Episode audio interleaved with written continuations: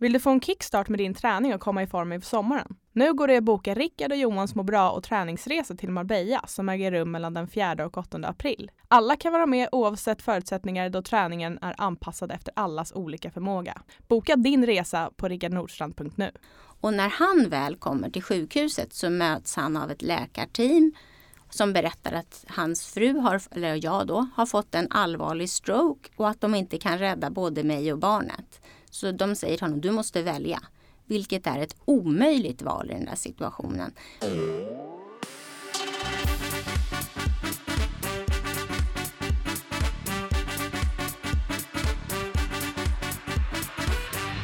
Ja, hej och välkommen till Träna för hjärnan med Rickard Nordstrand och Johan Norén.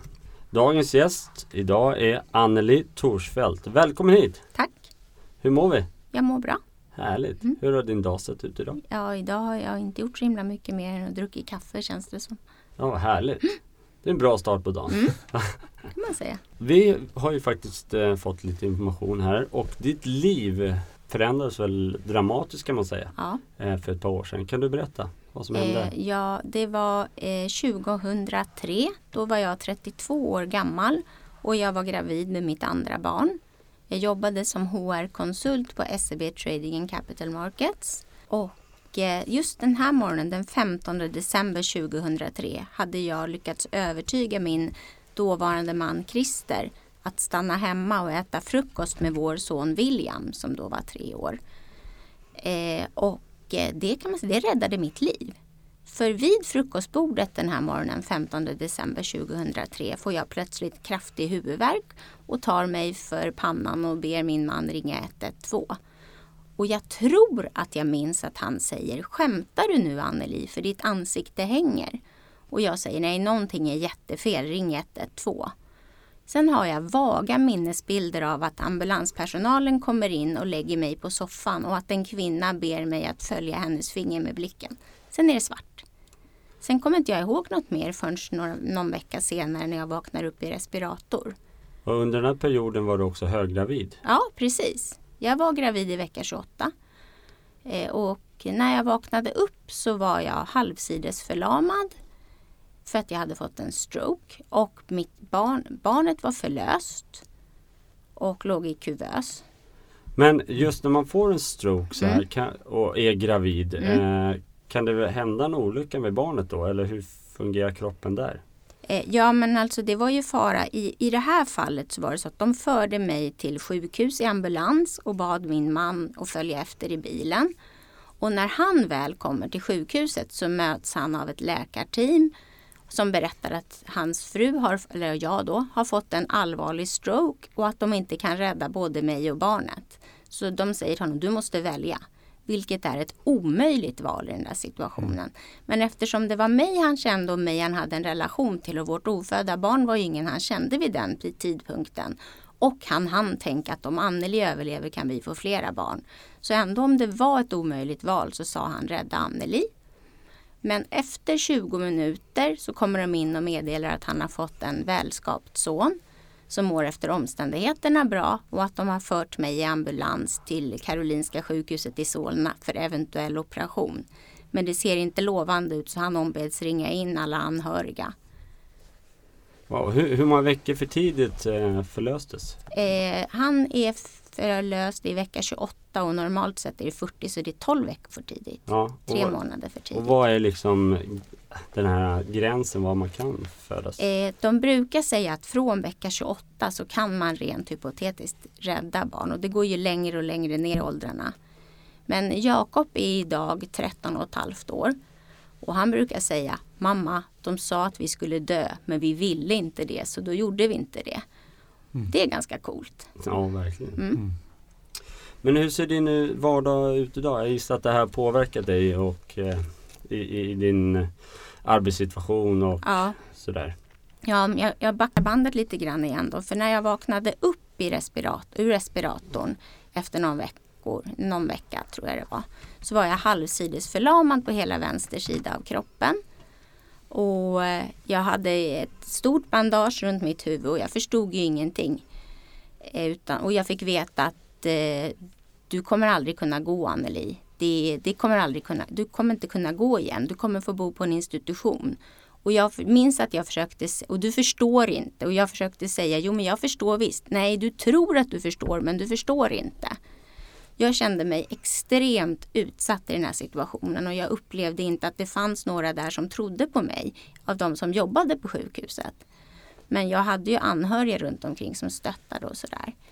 Men jag som sagt var, jag var ju rullstolsbunden när jag vaknade upp. Jag hade ett stort bandage runt huvudet. Man hade rakat bort håret på halva mitt huvud. Jag min, men på ena sidan hade jag kvar min piffiga bankfrisyr och mina välnoppade ögonbryn kommer jag ihåg. Hur kom det sig då? Vad, vad var det som orsakade den här händelsen att du fick en stroke? Eh, jo men det var så att jag drabbades av akut havandeskapsviftning och det är ju ingenting man kan förutspå att man ska få. Då måste jag lägga in som kille här, mm. vad, vad, vad är det? Det, är, det är en sjukdom som kropp, man, kroppen reagerar mot fostret. Man får väldigt högt blodtryck. Det är någonting med äggviteämnen i kroppen också. Jag kan inte det där jättebra men det är fara både för mamman och för barnet. Är det vanligt eller? Jag tror inte det. Mm. Så. Och så visade det sig, och jag fick ju då, ett, vid akut havandeskapsviftning får man ofta väldigt högt blodtryck. Mm. Och det fick jag och det var det som orsakade att, det var, att jag fick den här hjärnblödningen. Det visade sig i efterhand att jag hade ett kärlnystan i hjärnan som brast av det höga blodtrycket. Och, ett kärlnystan, ett mm. nystan, då tänker jag på ett garnnystan. Är det mm. lite så som det ser ja, ut? Ja, att kärlen har trasslat sig. Annars så hör man ju talas om aneurysm som är ett så här pulsåderbråck. Men det var det inte, det var trassel i blodkärlen. Och rent hypotetiskt hade jag kunnat leva med det där trasslet i min hjärna resten av mitt liv och aldrig vetat om att det fanns där. Men nu när jag fick så högt blodtryck så brast det. Och det var därför jag fick en sån stor hjärnblödning. Och sånt, är det medfött eller något ja. som kan hända? Ja, Nej. det är medfött. Det är medfött. Ja. Och det var ju, jag svävade ju ganska länge mellan liv och död. Mina anhöriga var ju inne och tog farväl av mig. Mer mm. eller mindre. Är, kan det här också kommit till dina barn? Har du kollat det? De, det finns inga sånt? ärftliga effekter. Så det var ju bland det första som vi tänkte på. Men ja. det finns inga sådana. Och de, jag har söner så de lär inte bli gravida heller. Så att... Den här morgonen som du sa mm. att du tjatade på din man att han skulle stanna hemma, mm. hemma och äta frukost. Det här eh, undermedvetna, vad, vad tror du? Varför tjatar du just den morgonen? Eller? Ja, det kan man ju spekulera kring. jag har inte haft några sådana tankar men ibland så tänker jag att jag hade änglavakt. Mm. Eller vad man nu ska kalla det för. För vad var det som gjorde att jag just den morgonen bad honom att stanna hemma? Det kan man ju verkligen fundera över. Men hur såg det ut innan då? Du var ju mitt i på något sätt. Ja precis, jag var mitt i livet, jag var mitt i karriären. Och jag, I efterhand kan jag tänka att jag var hög på att prestera och konsumera. Jag sprang mm. fortare, fortare, fortare hela tiden. Och det var väldigt högt tryck i finansbranschen men det var kul att jobba där. Jag förändrade saker, jag hjälpte människor. Det var jättemeningsfullt. Och jag kunde klä på mig min kritstrecksrandiga kostym och gå till jobbet på dagarna. Och sen så det blev en väldig kontrast när jag vaknade upp på sjukhuset där med halva huvudet raka då hade kateter och blöja hade de satt på mig. Mm. Så det blev en väldig kontrast. Men allt sånt där blir ju liksom, eh, vad ska man säga, inte så himla viktigt när man står inför liv och död. Och då hade ju liksom, mitt barn svävade ju i livsfara och sådär. Jag kunde ta hand om honom. Så det var mycket som var tufft. Och hur såg det ut innan om du säger det här högt tryck och, och, mm. och full fart? Då? Ju, om man tänker förebyggande exempel med träning och sömn och, och mm. återhämtning mm. och de bitarna. Eller mm. var, det liksom, var det full fart hela tiden? Eller? Ja, nej, men alltså jag tycker att jag, jag, jag är ju beteendevetare och jag hade ganska bra koll på vad man ska göra. Och, eh, tränade regelbundet. Jag så, men det var också så att jag tyckte att det var väldigt, man kunde åstadkomma allt man kan, kan man göra tyckte jag. Mm. Och vi hade precis köpt vårt drömhus som vi renoverade. Vi hade barnflicka, vi hade städhjälp och vi åkte på utlandssemester och det var väldigt viktigt att putsa på fasaden. Kan jag tänka. Så. Och jag, jag, som jag sa, jag, jag kände att jag nästan var lite hög på att prestera och konsumera. Vad tror du det beror på då? Varför om man nu eh, upplever att man är likadan kanske i samma situation. Varför är det så att man har en tendens att hamna i högt prestationsvärde? Eh, ja det är en väldigt bra fråga. Jag tror att det har olika förklaringar men jag tror också att det kanske ofta handlar om att vi är så himla, nu kanske låter lite flummigt, men att det är egot som driver så mycket. Och att vi vill ha saker. Och man blir aldrig mätt. Man matar egot. Nu vet inte jag om ni är liksom bekväma med det. Men om man matar egot, egot blir aldrig mätt. Mm. Det är bara hungrigare och hungrigare och hungrigare och man kan fylla på, fylla på, fylla på. Och det spelar ingen roll om du tjänar 150 000 eller 300 000. När du tjänar 300 000 så är du inte dubbelt så lycklig som när du tjänade 150 000. Men man tror det. Det blir, man matar det här hela tiden, det här monstret som aldrig blir mätt. Tänker jag. Hur ska man få stopp på det då? Eh, I mitt fall så, jag brukar säga att livet gav mig en rejäl käftsmäll. Jag hade liksom ingen möjlighet att komma tillbaka och det som är intressant är att jag tog mig tillbaka. Jag gick tillbaka till mitt arbete på SE-banken och jag var tillbaka. Jag lämnade SE-banken med ett avgångsvederlag och startade ett eget företag och började coacha och föreläsa och och var, liksom, och var på väg på samma spår igen. För jag kan. Det finns ingen som kan stoppa mig. Jag kan. Jag är ett medicinskt mirakel tyckte jag. Och liksom drev på, drev på, drev på. Och en dag så gick det bara inte längre. Jag minns jag kom till min pappas och min bonusmammas företag en dag efter arbetet. Och kom in där och de frågade hur mår du? Och jag bara föll ihop.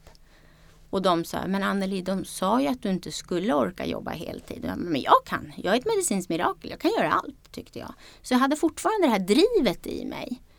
Och liksom sprang på, sprang på, sprang på. Jag sprang in i den där väggen. Det låter lite flummigt eller som en plattityd att säga vägg. Men det var verkligen så. Det gick inte längre. Min kropp orkade inte. Och idag lever jag ett väldigt annorlunda liv. Det är ett bra liv. Men jag handlar inte alla mina kläder på NK längre. Det är inte lika viktigt.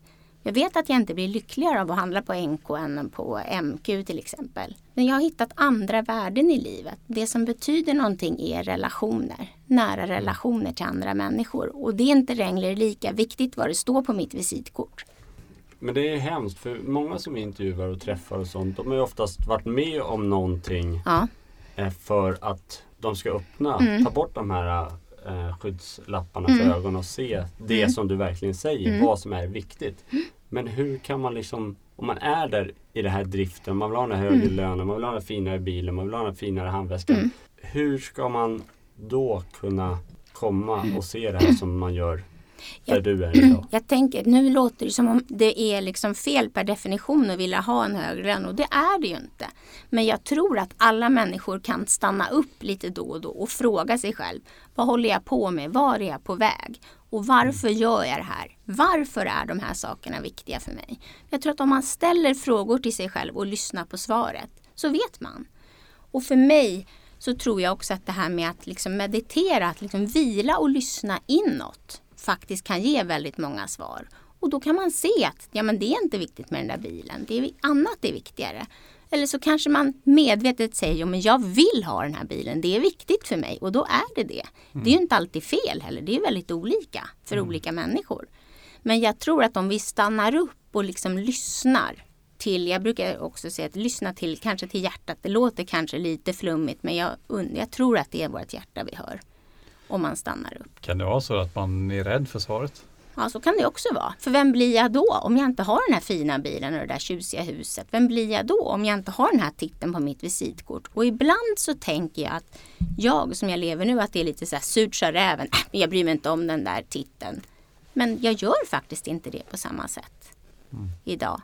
Eh, det jag också kan berätta är att jag, när jag satt, för det som är lite coolt i min berättelse är att när jag satt i min rullstol där eh, någon månad efter stroken och de sa att du kommer aldrig mer kunna gå Anneli. Så helt plötsligt så var det som att jag ville springa. Jag hade aldrig joggat i hela mitt liv. Jogga var det värsta jag visste. Man fick blodsmak i munnen och usch vad jobbigt. Och man tänkte bara måtte det vara över, måtte det vara över så fort man gav sig ut och jogga. Helt plötsligt så ville min kropp springa. Och, jag, och så fick jag en bild av Forrest Gump, ni vet när han springer i filmen och benskenorna far. Och då tänkte jag så här, då bestämde jag mig för att om jag reser med den här rullstolen, då ska jag springa. Jag ska springa som Forrest Gump, tänkte jag. För vad är det att springa och bli lite flåstrött mot vad det var att jag hade suttit och försökt lyfta mitt pekfinger så här på vänsterhanden helt och blivit alldeles svettig. Så jag bestämde mig för att då ska jag springa. Och så gjorde jag det. När jag väl reste mig ur rullstolen så började jag jogga. Och åtta månader efter att mina anhöriga hade tagit farväl av mig i respiratorn så sprang jag Tjejmilen på 70 minuter. Wow. Och läkarna säger att det är ett mirakel. läkaren som opererade mig efteråt, han tittade mig i ögonen och sa Anneli, du är ett mirakel. Det är jag inte alls det, sa jag. Jo, du är ett mirakel. Du förstår inte vilket mirakel det är. Jag var ju blond och hjärnskadad. Det var jag som inte förstod. Han kunde inte haft fel. Men det som är så coolt är att nu finns det ju jättemycket forskning som har kommit ganska nyligen som styrker just det här att löpning lagar hjärnan. Fysisk motion, eh, motion och framförallt löpning genererar nya hjärnceller och lagar hjärnan. Och är inte det lite coolt? Det är superball. Hur kunde min, det var som om min kropp visste. Och hur kunde den veta det? Det är mm. jättehäftigt tycker jag. Men när man kollar på din CV här så mm. står det ju beteendevetare och psykolog. Ja, jag är utbildad. Eller? Jag har en examen i psykologi. N när gjorde du det? Eller eh, efter stroke? Nej, det var innan. Jag var ju beteendevetare och det hade ju jag naturligtvis jättemycket hjälp av i min rehabilitering. För jag låg där i min säng och kunde ju inte ta mig någonstans. Jag var ju halvsidesförlamad. Och jag minns, jag låg i mitt sjukhusrum och jag hade en sån här klocka, ni vet en sån här sjukhusklocka. Så tick, mm. tick, tick. Mm. Och jag hatar den där jävla sekundvisaren. Jag blev galen på den. De fick bära ut klockan på nätterna för jag kunde inte sova med det där tickandet. Men så var det som att helt plötsligt så var det som det kom till mig så här tick. Nu är det okej. Okay, tick. Nu är det okej. Okay, tick. Nu är det okej. Okay. Det var ju okej. Tick för tick så var livet rätt okej. Det var ju när jag började fundera på hur det hade varit förut eller hur skulle det mm. bli framöver som jag mådde dåligt. Men om jag var fullkomligt närvarande i nuet så mådde jag ganska bra. Så. Och det där är också intressant för när man tittar på stress så är ju många stressade antingen för framtiden. Mm. Eller för något man inte gjorde i dåtiden. Exakt. Men skapar man ett forum där man måste vara koncentrerad på nuet mm. så mår de flesta rätt bra. Ja, precis. Då har man inte tid att oroa sig så mycket. Nej men du, du stopp, bryter ju tanken. Man kallar det för bryttekniken. Det är då du liksom stoppar dina farhågstankar mm. och dina katastroftankar mm. och så hamnar du där du mm. är just precis nu. Mm. Man kallar det för meditation och fysisk aktivitet. Ja. Man kan byta ut i princip emot vad som helst.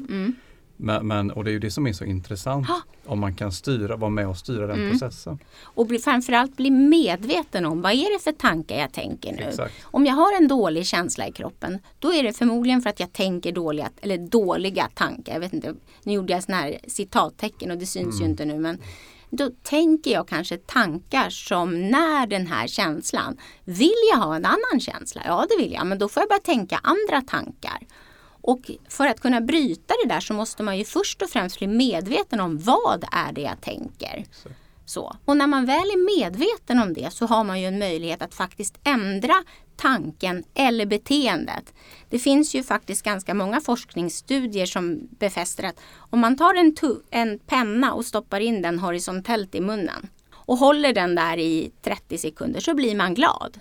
På grund av, och det tror man beror på att när du har pennan där ser du, då tror din hjärna att du ler. Och så tänker jag, oj jag ler, jag måste vara glad. Vad är jag glad för? Jo men jag är nog glad för det här och det här och det här.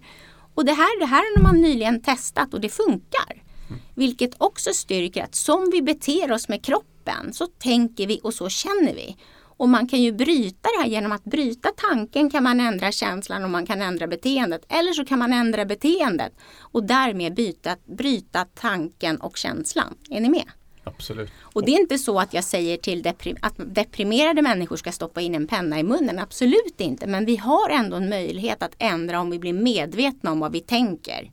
Och det är där jag tror man behöver fokusera mycket på. För många har ju en tendens tror jag, att inte tänka efter mm. om hur man tänker. Man tänker bara och så låter man tankarna flöda. Mm. Men jag tror utmaningen är ju att kunna sortera. Mm. Okej, okay, vad är det för typ av tanke mm. och vad kan den ge på sikt? Mm. Redan där har du en chans att göra en förändring. Ja. Om man tittar på beteende. För det är det som är så himla roligt och det är det som är så sjukt spännande. För att bara gå runt, exempel om det nu det är måndag och man, man är trött och man klagar på vart man är. Mm. Om man bara då fortsätter, det enda som händer är att mm. det bara fortsätter. Mm. Men att tänka, vad var det, vad, vad sa jag precis nu och vad jag tänkte innan mm. och liksom vad kommer det ifrån? Mm. Man får vara lite nyfiken i processen tror jag. Precis och så tänker jag också, och vad vill jag? Precis. Inte fastna, det är så lätt att vi fastnar, jo det här och det här är dåligt. Men vad skulle jag vilja då? Om allt var perfekt i mitt liv, hur skulle det se ut då? Mm. Och då tänker jag att då har man ju embryot till en målbild. Exakt. Eller hur? Och då när målbilden är där så tänker man ofta så här, då har jag satt upp en målbild väldigt högt upp och så tänker jag mig att jag ska ta mig till den målet med ett steg. Och det går ju inte, det blir alldeles för högt steg.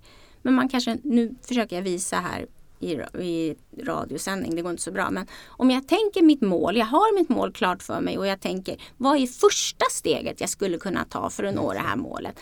Om jag skulle kunna, som jag då till exempel, jag ville springa Tjejmilen när jag satt i min rullstol. De sa det är omöjligt, det kommer inte gå. Jo men jag såg mig själv springa, fast att det var mm. omöjligt så såg jag mig själv springa. Jag såg det framför mig. Jag tänkte så här, testa väl alla de här teknikerna som jag har läst om i min utbildning. Jag testar väl och ser om det fungerar. Jag har ju ändå inget för mig. Så jag såg mig själv springa och så tänkte jag, vad är första steget? Jo, men jag måste ju resa mig i rullstolen. Och så reste jag mig i rullstolen någon gång i februari, mars och det var då jag bestämde mig för att springa Tjejmilen. Och jag minns hur alla sa, nej men är du dum? Vad är det du försöker bevisa? Att det går! Så jag var så jädra envis. Jag var som Lotta på Bråkmakargatan, som Lotta kan visst cykla. Mm. Men då tänkte jag, vad är det första steget? Jo, men jag måste ju kunna gå en kilometer först. Det är ju det första steget. Och så när jag kunde det så var jag, ja men då behöver jag kunna jogga i en kilometer. Ja, då hade jag det steget och sen behövde jag bygga upp lite bålstyrka och sådär. Och jag googlade ganska mycket på hur, man skulle, hur jag skulle kunna träna upp mig själv och så jobbade jag liksom successivt. Och ju längre upp mot det här målet jag kom, desto närmare målet jag kom, desto mer lockande blev ju det, desto lättare blev det att ta nästa steg. Så det jag tror är att vi ibland, när vi har ett mål så räcker det med att kanske ta första steget. Så bygger man sig en trappa mot målet. Är ni med på hur jag menar? Absolut. Och ju högre upp i trappan jag kommer, desto bättre utsikt har jag, desto lättare är det. Men det handlar om att hela tiden påminna sig om vart jag vill. Var är jag på väg? Var ska jag någonstans?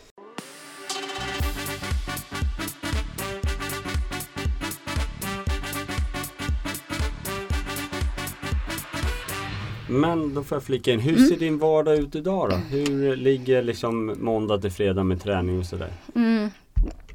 Nu, just nu så går mitt liv ut på att överleva kan jag säga. För jag var så jädra envis i så otroligt många år. Och det var först tio år efter min stroke som jag fick hjälp inom psykiatrin och man kunde konstatera att jag lider av någonting som heter bestående hjärntrötthet. Hjärntrötthet är något som drabbar ungefär 20-30 procent av de som får en hjärnskada. Det kan också vara Parkinson eller MS, en neurologisk åkomma. Man kan drabbas av hjärntrötthet och hjärntrötthet är en mental trötthet. Man blir som ett kinkigt litet barn, lite så. Men det finns ingen energi att ta av. Och det var först tio år efter min stroke som jag fick diagnosen hjärntrötthet. Och då när jag började läsa på så förstod jag mig själv. För det finns ingen energi att ta av. Så jag behövde liksom dra, ta bort typ allting i mitt liv. Och liksom sitta hemma och inte göra någonting för att spara på min mentala energi.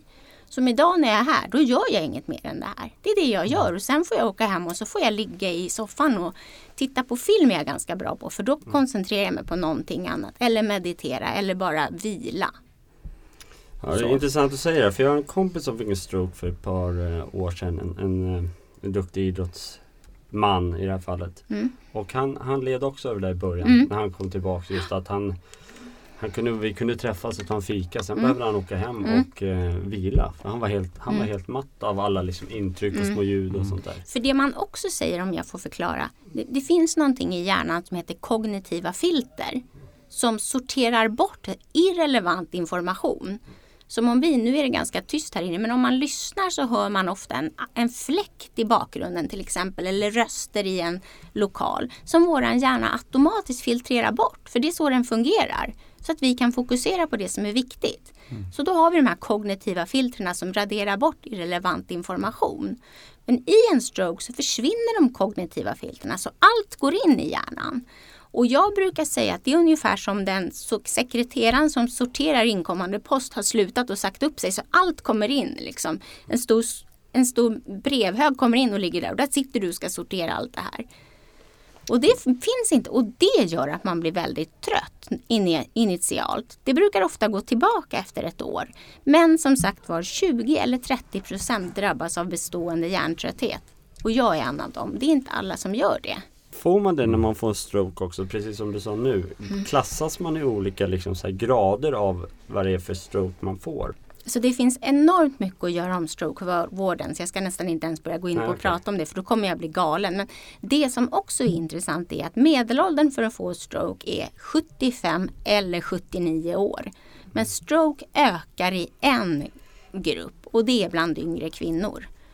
Och eftersom medelåldern för stroke är så pass hög så har ju alltid rehabiliteringen anpassats till den åldersgruppen. Och det är ju naturligtvis jätteannorlunda om du är liksom mitt i livet när du får din stroke och du har helt andra behov av hjälp och stöd för att komma tillbaka. Men också så att många som drabbas i yngre år som kanske inte får en så stor stroke tror att de ska kunna komma tillbaka till jobbet och bara fungera som förut. Vi har en grupp på Facebook som heter Stroke mitt i livet som Stroke Riksförbundet står bakom och den gruppen kan man söka medlemskap i. Och där stötte en, en grupp för stöd och gemenskap efter stroke. Men jag har två frågor. Den mm. ena frågan är ju då självklart hur det här med, med varför jag-tankar mm. och bitterhet. Mm. Hur, hur, liksom, hur förhöll du dig till sådana tankar i början på eh, ja, det nya livet kan man säga? Ja. Eh, jag, jag var, I början var jag så förtvivlat ledsen så att jag liksom inte visste hur jag skulle få ut all sorg. Jag fick i början hjälp av en psykolog och liksom reda ut vad jag hade. Och jag minns att jag sa till henne så här, ja men det finns så mycket sorg, jag vet inte, det kommer aldrig ta slut. Det var som jag kunde gråta och gråta och gråta men det är som att må illa när man är magsjuk mm. och man kräks och så känns det lite bättre och sen börjar man snart må illa igen. Lite så var det.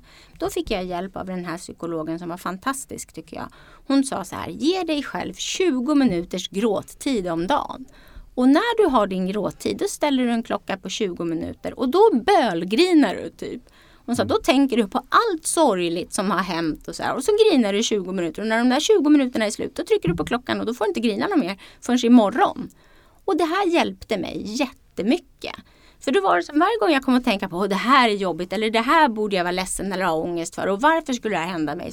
Så tänkte jag så här, ja men det får jag ta på min gråttid. Så lyckades jag lägga det åt sidan en stund. Och sen när jag skulle sätta mig ner och börgrina så var det ju sällan jag kunde göra det. Då brukade jag lyssna på någon så här sorglig musik eller något för att, få, för att komma i kontakt med det. Och så grät jag och så tänkte jag så här, men 20 minuter det är ju ingenting kommer jag ihåg att jag tänkte. Och så satte jag igång och bölgrina som jag brukar säga. Nu låter det lite så här sarkastiskt men jag försökte att gråta ordentligt. Och efter typ som bara, ja, nu måste det ha gått 20 minuter för nu är jag jättetrött och nu finns det inga mer tårar. Då hade det gått typ 2-3 minuter. Så det här var verkligen ett bra sätt för mig att sortera upp det, att få liksom ordning på det inre kaoset som annars kan liksom komma över en som, jag vet inte, som att man blir helt dränkt av det. Mm. För risken är ju, tror jag i alla fall, om man inte har ett tidsbestämt som i mm. ditt fall 20 minuter, mm. det är att du övergår till ält och ält är ju Precis. oändligt. Ja, exakt. Och där och att, har man en tendens att odla bitterhet. Ja, och att pastor Ågren kommer på besök. Det har jag träffat otroligt många kloka kvinnor genom åren, faktiskt mest kloka kvinnor. Men en klok kvinna, för jag sa att jag var så trött på att ha ångest hela tiden. För det får man ju, om man inte släpper ut så får man ju ångest till sist. För då är det någonting som är fel, börjar man tänka så. Och då sa hon så här, se på, på ångesten som om du är en mamma som har gått in i ett rum för, för att satt dig och lägga ett pussel. Och, för du vill ha lugn och ro. Och du har stängt dörren så att inte dina barn ska komma in och störa. Och så kommer din, ditt lilla barn och knackar på dörren och säger Mamma, vad gör du? Och du säger, jag lägger pussel, gå härifrån. Säger du då och blir jätteirriterad. Och då börjar omedelbart ditt barn banka hårdare på dörren och säga Men mamma jag vill komma in, jag vill komma in, jag vill komma in. Och vips är din pusselstund förstörd.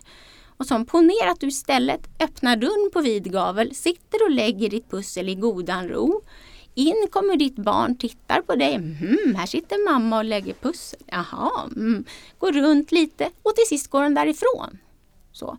Hon sa precis så är det med ångest. Notera den. Tänk jaha, där är ångest. Men den är inte jag. Jag behöver inte bry mig om den. Jag kan notera att den finns där men jag tänker inte ta fast den. Är ni med? Mm. Att man faktiskt kan hitta strategier att hantera det. Och jag brukar benämna det som att det är pastor Ågren. För att då blir det lättare för mig att hantera. Ja, nu är pastor Ågren här. Och om jag säger så här, nej nu borde inte han vara här, då, då växer han och blir större och större och större och till sist är jag kvävd av den här pastor Ågren. Men om man bara noterar honom och låter honom vara så går han iväg efter ett tag.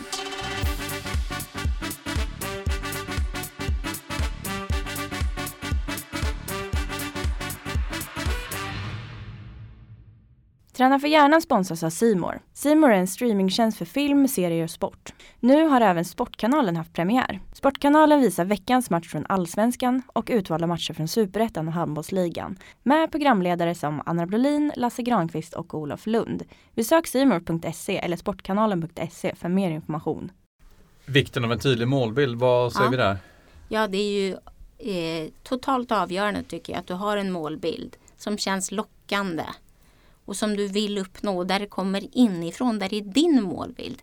Jag tänker att vi ofta kanske strävar efter någonting som inte är vår egen målbild egentligen utan ett krav som omgivningen har lagt på oss och vi är inte medvetna om att det inte är vår egen målbild.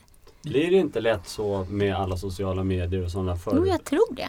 Och att man tränar kanske för att ha en platt mage. Och jag, jag har ju liksom, jag har haft tid att reflektera över hur vi lever idag och liksom kommit fram till en massa klokheter som jag själv tycker är klokheter. Det kanske inte är det men jag menar egentligen så rent hypotetiskt skulle det ju vara det vackraste som skulle finnas var om man hade typ hängbröst och bristningar på magen för då hade man givit liv. Och att vi liksom tycker att det är, när man, vi ska se ut som jätteunga och vi ska vara, det yttre är det viktiga. Mm. Så. Och jag tror att det är, fint, det är bra att ha ett bra yttre och man ska vårda sin kropp för det är ju den man bor i. Du får ju ingen annan kropp att bo i. Liksom. Så. så det är klart man ska ta hand om sin kropp men för sin egen skull. Jag brukar säga att din själ bor i din kropp. Så. Mm. Det kanske låter lite flummigt men var ska den annars bo? Den bor ju där och det är den du har möjlighet att uttrycka dig här på jorden. Vi har ju ingen annan möjlighet. Om man, om man tänker på det, för att vi Mm. kommer tillbaka till det här med målbild så, men, men eh, en rekommendation som jag brukar ge till någon som mår dåligt, Mm. det är att hjälpa någon som mår sämre. Mm. För risken är ju när man mår dåligt att man tycker synd om sig själv, Ja. att man förminskar sig, men du hamnar Mm. lite i offerrollen. Ja. Och det blir väldigt egocentriskt. Man är ju liksom den som mår dåligt så att det Mm. är inte så lätt. Nej. Men då är mitt, äh, mitt tips brukar alltid vara att hjälp någon Mm. eller tänk på någon som mår mycket sämre än dig Mm. själv. För där finns det så mycket kraft att hämta. Mm. Vad tänker du om det, om att hjälpa? Ja, alltså det kan ju bli lite klyschigt. Dels att man säger att ja, men det finns alltid någon som har det Mm. sämre. det är Tänk ju på barnen i. Afrika. Precis, Ja, det är lite verkligen. provocerande också. Och särskilt om man har tagit på sig offerkoftan och sitter och tycker synd om sig själv och någon kommer in och säger ja, men tänk positivt eller hjälp någon annan. Då vill Mm. man ju bara ge dem en käftsmäll. Mm. Så jag tror på något sätt att det måste komma inifrån. Mm. Att man själv hittar ett värde. Och att hjälpa andra kan ju vara ett värde. Och du kan alltid göra någonting. Ingen kan göra allt men alla kan göra något. Mm. Och även om man är helt utmattningsdeprimerad och inte orkar göra någonting så finns det alltid någonting man kan göra. Mm. Om inte, man kanske kan gå ut och vara i naturen. Jag kramar träd. Det är väldigt bra. Det är flummigt men Det har jag hört Mysigt. faktiskt apropå det att det finns kurser när man ska gå ut i, i Ja. skogen och krama Mm. träd. Mm. Och jag trodde att det var ett påhitt men nej, det men det, finns. nej men jag tror det. Och jag gjorde någon, det började med att jag gjorde en guidad meditation med en kvinna. Mm. På en CD-band. Hon heter Doris Ankarberg. Och den här meditationen gick ut på att man skulle föreställa sig att man gick fram till ett träd och så kramade man trädet. Och sen skulle man tänka sig att man gick in i trädet och upp i stammen och ut i grenarna och hämtade kraft. Och så gick man ner i rötterna, ner i jorden och hämtade kraft. Och så tyckte jag den där meditationen var ganska cool, men knasig men cool. Så nästa gång jag var ute i skogen och joggade så tänkte jag så här, ja men där är ju de där träden, jag kanske skulle gå och prova liksom. Och så tänkte jag, men jag kan ju inte stå här vid sidan av joggingspåret och krama ett träd, då kommer ju folk tro att jag är galen. Men jag gick fram lite mot ett träd och så valde jag ut ett speciellt träd, så la jag kinden emot barken så här. Och så tänkte jag så här, jag kan ju låtsas att jag stretchar. Så jag stretch, sträckte ut benet så jag låtsas att jag stretchar och så kramade jag trädet lite grann och det var jätteskönt. Det är verkligen, vi får kraft av naturen. Mm. Det är också skumt men det är verkligen så. Coolt, jag vet det finns idrottsmän som sover direkt på marken Ja. för att de ska få eh, kontakt med marken. Mm. Jo men så vi hör ju ihop. Det, är- för det har väl också kommit till att vi hör ju ihop men vi lever som liksom isolerade celler. Så här, och tror att vi är ensamma om allting men det är vi inte. Vi hör ihop. Och när man får den känslan att man hör ihop. Inte att alla människor hör ihop och att vi hör ihop med naturen och att vi all, alla är energi. När man kan gå in i den känslan på något sätt så får man, då är det där livet är. Och då brukar jag säga, jag brukar ibland skämtsamt säga att jag ska starta en sekt. Men det är ju där, när, i den här medvetna närvaron, när vi är nära varandra och är i stunden i energin. Där finns ju det som jag tror folk kallar för Gud. Mm. Så, faktiskt. Det låter kanske lite konstigt, men jag tror det. Och det är ett ögonblicksförnimmelse. Men vi hör ihop. Det är mer som förenar oss än håller oss isär. Men vi försöker leva som isolerade varelser. Och så här buffas med varandra på, i pendeltågstrafiken. Typ, eller sådär. Och är stressade istället för att hjälpa varandra. Om vi ska hjälpa varandra med det här med Mm. positiv energi Mm. nu då. Eh, Kan du ta med oss eh, igenom din rehabiliteringsprocess från det att du bestämde dig till det att du sprang? Kan du ta med oss på den resan? Eh, ja, eh, för det första var det ju jag som ville det här väldigt mycket. Det var väldigt mycket jag själv som drev det här. Nu hade ju jag min man som hejade på mig. Men det var ju inte så att man på sjukhuset sa ja men vad coolt ska du springa Tjejmilen? Utan det var mer så här ja ja ja, det får vi väl se. Men jag hade bestämt mig för att jag skulle göra det. Och ju mer folk, som, fler människor som sa det där kommer du aldrig klara, desto mer envis blev jag. Mm. Jag skulle visst klara det. Men jag, jag var väldigt bestämd för, och jag hade ju tillgång till alla de här teorierna och mentala modellerna om tankens kraft. Så jag använde mig ju mycket av det. Och jag gjorde en träningsplan. Jag bestämde mig för att jag ska träna så här och så här och så här. Jag skulle springa varannan dag. Och i början så promenerade jag och sen la jag in lite kortare löppass. Sådär. Och sen förlängde jag de perioderna jag sprang. Och i det jag upptäckte när jag började väl kunna springa var ju att hur mycket jag hade i min kropp. Hur mycket det satt i kroppen som jag inte hade kunnat bli av med när jag satt i rullstol. Det var fruktansvärt att sitta och vara förlamad och inte kunna, ni vet man kan springa ifrån någonting eller man kan mm. gå på gymmet och lyfta tunga vikter och bli av med massa frustration. Som jag kände att jag inte hade kunnat göra av någonstans. Det var jätteskönt. Hur långt efter var det här att du började liksom kunna liksom springa en, en kilometer eh, efter jag, stroken? Jag måste tänka, jag, jag fick min stroke i december 2003 och i mars 2004 så tog jag mina första steg. Och sen sprang jag Tjejmilen i slutet på augusti eller början på september 2004. Så det gick ganska fort. Och jag hade ju också en bra grundfysik innan. Även fast jag var gravid så hade jag ju liksom tränat relativt liksom mycket. Inte mycket så, och jag hade aldrig sprungit. Men hur ser vardagen ut idag med träning och sådär? Hinner du få in någon träning eh, i vardagen? Ja, det är ju det som är mitt jobb nu, brukar jag säga. Mm. Att träna, heltidsträna. Och grejen är den med strokevården så jag fick otroligt bra rehab. Jag, fick liksom, jag var inneliggande patient i fyra månader fast jag bara ville åka därifrån så tvingade de mig att vara kvar. Och sen så fick jag gå på dagrehab under jag tror att jag nästan hade kontakt med sjukhuset i ett år. Idag blir folk utskrivna efter två veckor. Mm. Det är inte alla som får ens som får vård på en strokeenhet som inte får hjälp och förstå vad det är som händer med dem. De får inte den här möjligheten att ta sig tillbaka. Och varför ser det ut så? Vi ska spara pengar och det är så sjukt. Jag blir så förbannad när jag tänker på det. För ett liv som man har räddat ska ju också levas. Mm. Och, och, då kan, och jag brukar säga så här, då kan man ju lika gärna skita i att operera människor som kommer in med stroke och säga men du kommer ändå bli ett kolli. Vi, vi opererar inte. Och vad ska vi göra med alla människor som inte är fullt funktionella? Ska vi sätta dem på en öde ö i havet? Vad ska vi göra? Om man har räddat ett liv måste man ju hjälpa den människan att få ett drägligt liv. Mm. Och sen måste människan rädda sig själv också. Så det är inte så att jag säger att samhället ska göra det här utan man måste ju hjälpas åt och mm. kroka arm. Men många, många efter en stroke eller annat svårt trauma som, som jag har sett, nu låter det kanske lite förmätet sådär, men många blir sin sjukdom. För man har inget annat att identifiera sig med. Mm. Man accepterar den då menar du? Eller? Nej men inte acceptera men att du har ju inget annat än din sjukdom. Du blir din sjukdom.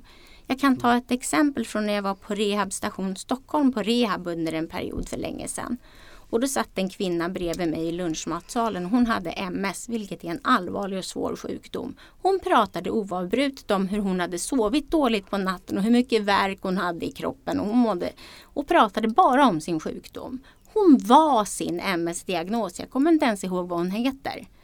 Den här kvinnan pratade bara om sin sjukdom. Hon blev sin sjukdom. Mitt emot henne satt Lennart som är gravt CP-skadad. Och han hade så mycket spasmer och skakningar så att han tog upp mat på sin gaffel när han äter och sen när han fick upp gaffeln till mun så var det ingen mat kvar på den. Men han var Lennart. Han var gravt CP-skadad. Han hade sin sjukdom men han var Lennart. Är ni med på vad jag menar nu? Mm, mm, Hon var sin sjukdom. Så det brukar jag tänka, man har sin sjukdom men man är inte sin sjukdom.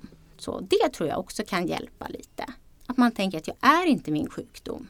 Det är inte den som definierar den jag är. Jag har den. Vad tror du om det här om att sprida positiv energi? Eller sprida negativ energi eller sprida energi. Vad, vad är det mm. viktigt tycker du? Tror du att, att man är medveten om vad man sprider runt omkring sig för typ av energi? Ja det tror jag ju. Och jag, det, jag tänk, det jag gör nu, jag försöker att vara den jag själv hade velat möta när jag drabbades av stroke mitt i livet. Jag hade velat se någon annan människa som hade tagit sig vidare och som kunde visa att det finns ett liv efter. Det kanske inte blir som förr men det finns en väg vidare. Och det försöker jag göra idag genom att vara ute och föreläsa och jag är på olika rehabkliniker och träffar människor som nyligen har insjuknat och berättar att det finns en väg vidare. Mm. Och det är ingen annan som kan göra det än ni. För så är det ju. Det måste komma inifrån. Min, min kompis som jag nämnde tidigare här i avsnittet som fick stroke. Han låg in i Danderyd och han tyckte den liksom, vad säger man, efter sjukvården eller mm. gymnastik mm. eller mm. var helt magisk. Ja. De som var där helt underbara, mm. träningen var bra och det var liksom mm. Han hade bara gyllene ord och pratade ja. om, om det där. Mm. Och det, alltså, det finns bra rehab idag. På de här, om man har tur att komma till en sån rehabklinik. På mm. Danderyd är de jätteduktiga. Mm. Men vi ska också komma ihåg att det ser väldigt olika ut vad, beroende på var i landet man bor. Mm. Vilken hjälp man får. Och vilken möjlighet man får att komma tillbaka. Är vi duktiga på att rädda strokepatienter i Sverige? Det vågar inte jag svara på, Nej. vågar inte uttala mig. Men jag tror det. Och det finns ju ny forskning, det finns någonting, eller nya metoder. Till exempel tromboly, trombolys eller trombektomi. Som innebär att om man hittar en liten propp till exempel i något av blodkärlen. Så kan man gå in med ett instrument och suga ut proppen utan att den orsakar skada i wow. kärlen. Och då kan ni ju föreställa er hur liten de, små de här instrumenten är.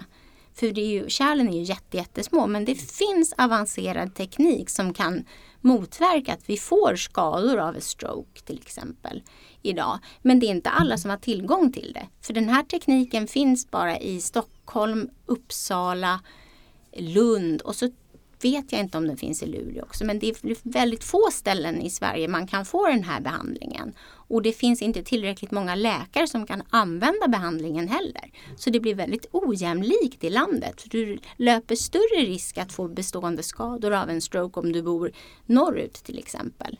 Mm. Vågar jag uttala mig om. Så. För att Men... du får inte samma rehabilitering eller möjlighet till behandling. Men jobbar du fortfarande re rehabilitering med din eh, stroke ja, idag? jag kommer få göra det för resten av mitt liv. Och hur ser det ut då? Vad, vad är, det, är det promenader eller? Liksom... Nej, jag joggar ju fortfarande och sen är det ju viktigt att liksom som jag berättade förut att jag är spastisk. Som till exempel att min arm åker upp eller min axel åker upp. Då får jag en behandling med botox i musklerna som är spastiska. För då slappnar de av, då blir de förlamade. Och medan botoxen verkar så tränar man som till exempel jag får botox i min biceps så här. Så då så förlamar man den och då så ska jag träna upp min triceps som sträcker ut under tiden mellan botoxen verkar. Till mm. exempel, för att göra ett enkelt exempel. Så det måste jag göra hela tiden och när botoxen går ur så är förhoppningen då att man ska ha tränat upp tricepsen så hårt så att inte armen åker upp så här. Så det, men det har jag också fått slita för att få göra. För att få den här behandlingen. Man får tjata och vara helt galet tjatig får man vara. Men hur funkar det när du är ute och joggar och springer nu då med, med armen? Kan alltså, det hända att den ja, åker upp? Ja, den åker upp. Och grejen är den att efter ett tag när, man har, när jag har sprungit ett tag så orkar inte kroppen längre. Då orkar inte axeln åka upp så här utan då släpper den efter och det är så himla skönt. Mm. Men det tar ungefär 30 minuter. För då mm. orkar inte musklerna längre. Om vi säger det som vi pratade om innan där, det blir inte alltid som man har tänkt sig, men det kan bli bra ändå. Det kan bli jävligt bra ändå brukar jag säga till och med. Vad ska utveckla det? Hur, hur tänker vi där? Ja men det blir inte, alltså, det kan ju låta lite motsägelsefullt också när jag har pratat om det här med tankens kraft och att man ska sätta upp målbilder och visioner så säger jag men det blir inte alltid som du har tänkt dig. Men det kanske inte blir som du har tänkt dig men det kan bli bra ändå. Man måste omvärdera, ja men nu blev det så här. Och så får man försöka se möjligheterna i den situationen man är i. Mm. Så tänker jag. Och se det som är ljust och det som är positivt med det. Också. Så att det kan bli bra ändå. Eller till exempel som jag som trodde att jag skulle göra karriär, jättemycket karriär och bo i ett flashigt hus och bla bla bla. Nej men det gör jag inte. Jag gör inte karriär men det är bra ändå. Jag mår bra idag ändå. Jag är inte gift med min man som jag var gift med när jag blev sjuk. Men det blev bra ändå. När han lämnade mig så var jag 30 36, 35 eller 36 år. Jag var blond och hjärnskadad tvåbarnsmamma och singel för första gången sedan jag var 15 år. Då var det fasen inte roligt. Men det blev bra ändå. Om, om man tittar på det med acceptans då. Hur, mm. har du, hur har du jobbat med begreppet acceptans? Att acceptera så som det är mm. just precis nu och sen mm. gå vidare. Hur, hur tänker du där? Eh, jag, eh, jag tror det var någon psykolog som som la boken Att acceptera att liv inte vinna ett krig i händ, stack den boken i händerna på mig. Som Anna Kover har skrivit. Jag vet inte om ni känner Just, till den. Jo, jag har läst böcker från mm. Men och, hur går det att läsa för dig nu med koncentrationen? Ja, är men det, det jättejobbigt? Nej men alltså grejen, och sen är det också det här att det är så otroligt beroende på var i hjärnan du får din skada, som vilka men du får. Och det jag brukar predika och det, det känner jag att det vill jag också säga nu, det är att stroke är en individuell sjukdom eftersom alla hjärnor är olika, eller hur? Sen vet vi att vissa funktioner sitter på vissa ställen i hjärnan sådär, lite grovt sett. Men varje hjärna är unik och i och med det så blir varje stroke unik. I och med det borde varje stroke-rehabilitering bli unik och utgå ifrån dig och din situation och det du vill. Så. Eh, jo men nu frågade du om hur det gick att läsa. Mm. Jag har fått en skada i den delen där man tar inte, som intryck går in via synen. Mm. Så jag har svårt att minnas saker med, med synen.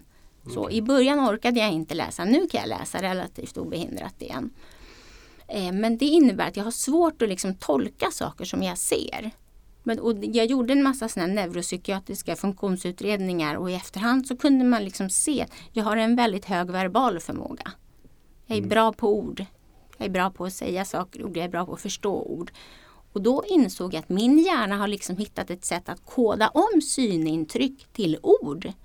Om jag tittar på den här flaskan här så kanske du skulle säga, ja du skulle se med synen och komma ihåg att det var en grå kork bla bla bla. Så. Eller om jag ska komma ihåg vad du har på dig. Mm. Innan min stroke kunde jag alltid komma ihåg vad folk hade haft på sig på en fest. Nu skulle det vara omöjligt. Men om jag vill komma ihåg vad du har på dig nu så skulle jag tänka så här. Ja, han har en grå tröja som det står träna för hjärnan på och rutiga shorts på sig. Då har jag sparat till mitt verbala minne. Då kommer jag komma ihåg det. Mm. Man hittar liksom en annan väg. Men det är fan mm. intressant. Men, men, blir inte det sämre med åren också? För jag kommer ihåg, jag var ju, hade ju så här fotominnen när jag såg ett ansikte. Jag kommer mm. alltid ihåg. Men jag är sämst på namn. Mm. Men nu känner jag att eh, det också börjar bli lite sämre. Att eh, liksom, det här fotografiska jag kan liksom se ansiktet men jag kommer inte ihåg vart vi har träffats. Ja, men det, det vågar jag liksom inte uttala mig om om det är något generellt så. Det kan mm. ju också vara så att jag tänker att det är mycket annat som tar uppmärksamheten mm. idag. Att man inte har samma kapacitet. Men det vågar jag inte uttala mig om om det är något generellt så. Men så har det blivit för mig. Det finns ju många som drabbas av stroke, får jag afasi och kan inte prata. Mm. Och det är också ett, det är ett svårt handikapp. Det syns ju inte på utsidan. Man hittar inte orden. Men går det också vissa fall då att träna upp? Ja det gör det. Men där är ju också rehabiliteringen väldigt bristfällig. Och det mm. jobbar vi väldigt hårt för att folk ska få tillbaka, ska få hjälp även med osynliga handikapp eller dolda funktionsnedsättningar. Mm. Så, som afasi till exempel. Men är, som, som i dagens fall, är du egenföretagare och gör det här ideellt eller hur funkar det när du jag åker runt? Jag är inte egenföretagare. Det jag gör nu gör jag i uppdrag för Stroke Riksförbundet. Så, för att sprida information om stroke och, och och, och, sprida information och skapa gemenskap bland de som har drabbats. För man känner sig väldigt ensam. Men man mm. är inte ensam. Och det tycker jag är viktigt. Som jag sa förut, jag, jag försöker vara den personen jag själv hade velat möta när jag blev sjuk. Vis, en person som kan visa att det finns en väg vidare. Det går att ta sig tillbaka. Och livet går vidare ändå. Det kanske inte blir som förr men det kan bli väldigt bra ändå. Ja, vi är hemskt eh, glada. Säger man hemskt? Det kan man inte säga. Vi är väldigt tacksamma att mm. du tog dig tid och eh, kom och pratade med oss om det här. Det var väldigt, väldigt intressant. Jag är helt matt av information. Det var ja. jättegivande. Och hur får man tag på dig? Var, var, var finner man mer information om dig? Eh, jag har en blogg som heter strokesurvivor.blogg.se och jag står i begrepp om, och jag har en sida på Facebook som heter Stroke Survivor också. Jag står i begrepp och ska starta en mejladress som heter strokesurvivor.gmail.se också. Och man, där kommer man i kontakt med mig och man kan följa min blogg. Stort tack! Kram på dig! Tack, tack!